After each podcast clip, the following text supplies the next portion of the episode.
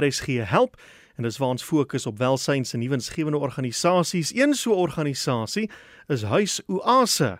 En ons gesels nou met hulle mede-eienaar Fani Vosloo. Fani, goeiemôre, welkom hier by Spitstyd. Goeiemôre Willem. En baie dankie vir hierdie geleentheid om met jou te gesels, hoor. Groot plesier en uh, dankie dat jy met ons kan gesels. Vertel ons bietjie oor Huis Oase. Waar is julle geleë? Wat is julle doel? Van Willem. Ja, Huiswoase is in Gerardswil. Baie min mense weet waar Gerardswil, maar dit is heel op die westelike grens van Centurion, hmm. net uh wes van Erasmia. Uh is 'n pragtige uitbreiding Gerardswil en uh die doel van Huiswoase is om om te sien uh na uh, uh mense wat geen ander heenkome het nie. Uh die meeste van die mense kry net 'n staatspensioen en hulle kan nie by 'n gewone uh ouer huis uh geargumenteer word nie. En uh daarom stel ons vir hulle uh, uh behuising beskikbaar en ons probeer dit so huislik as moontlik vir hulle hou. Vertel ons bietjie van die geskiedenis. Hoe het julle tot stand gekom en wanneer?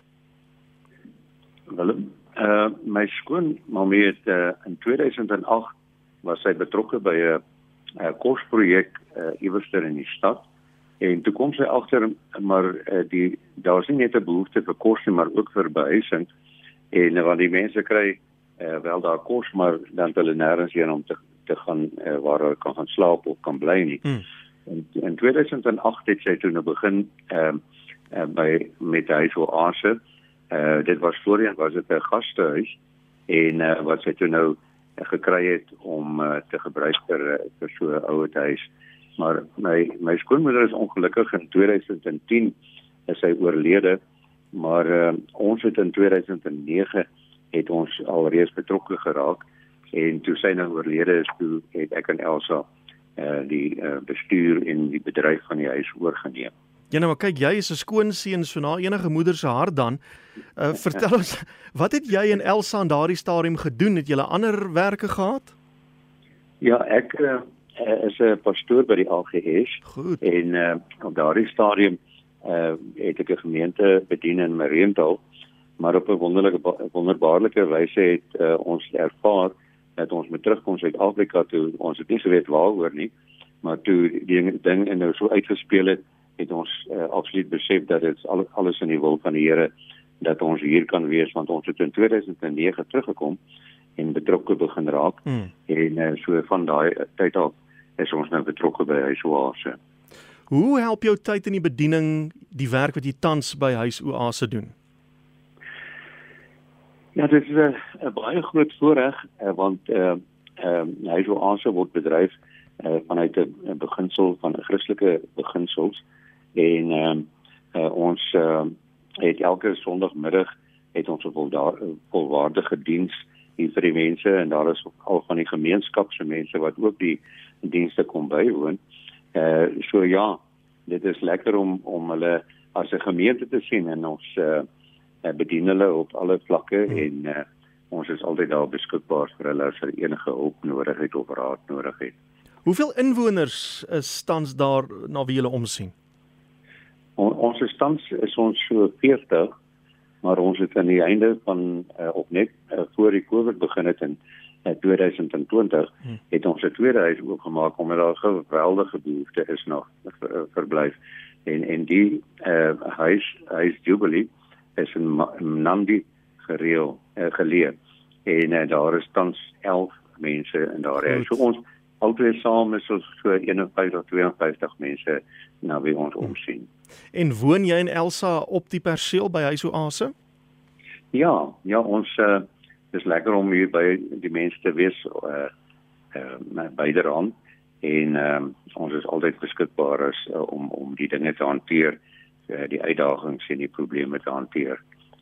Nou 40 mense net op daai perseel is nogal 'n handvol. Ek neem aan dis nie net jy en jou vrou nie. Hoe lyk die res van julle personeel? Ja, ons het 'n uh, volwaardige kok, uh Joseph, uh, wat uh, baie lekker kos maak. Uh dit is regtig baie voorreg uh om om om te hê. En dan het ons uh twee bediendes wat wat die skoonmaak skoonmaakwerk doen. Uh maar op, die, op hierdie stadium is ons dogter en ons seun Shaal uh, Inemarie en ons seun Shaal ook betrokke.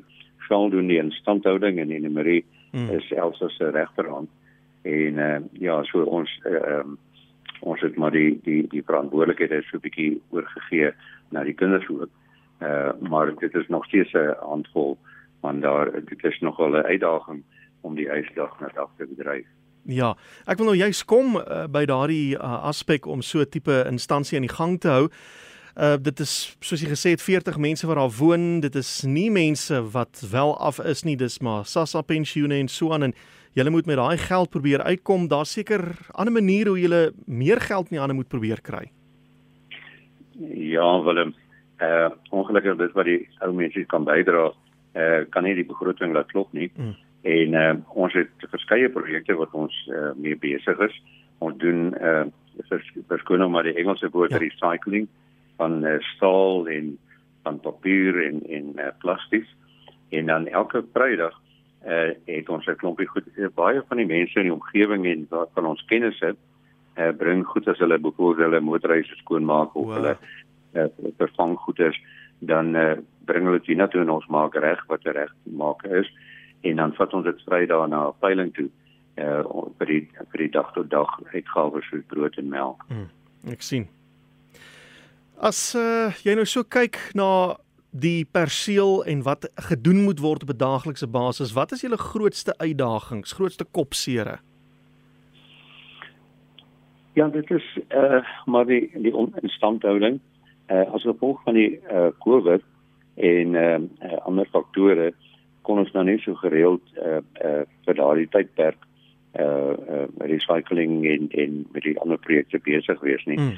So ehm um, on, ons ons grootste ehm um, uh begeerte is om uh, so ver as moontlik onafhanklik te raak van van die krag en van die watertoevoer. Sien, ja. Want dit is een van ons grootste uitgawes die krag.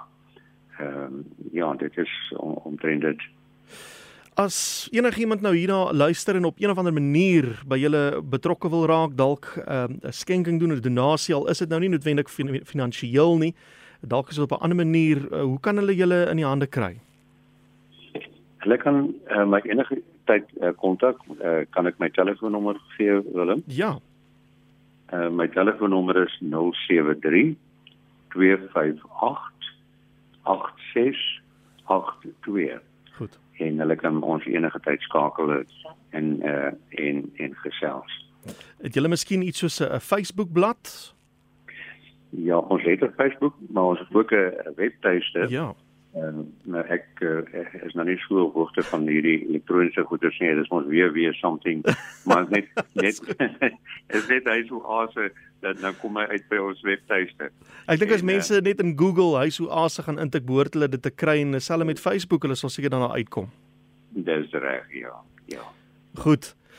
En uh Fanny, dit is uh, altyd vir my lekker om met mense soos uh, julle te gesels wat onbaatsigtig by hierdie tipe dinge betrokke raak. En uh, baie dankie dat jy bereid was om jou skoonma Marie se projek oor te neem jy en Elsa en voorspoed vir julle en ek hoop daar's baie mense wat gaan skakel en gaan kontak maak en hulle hulp aanbied. Dit sal wonderlik wees, wees Willem.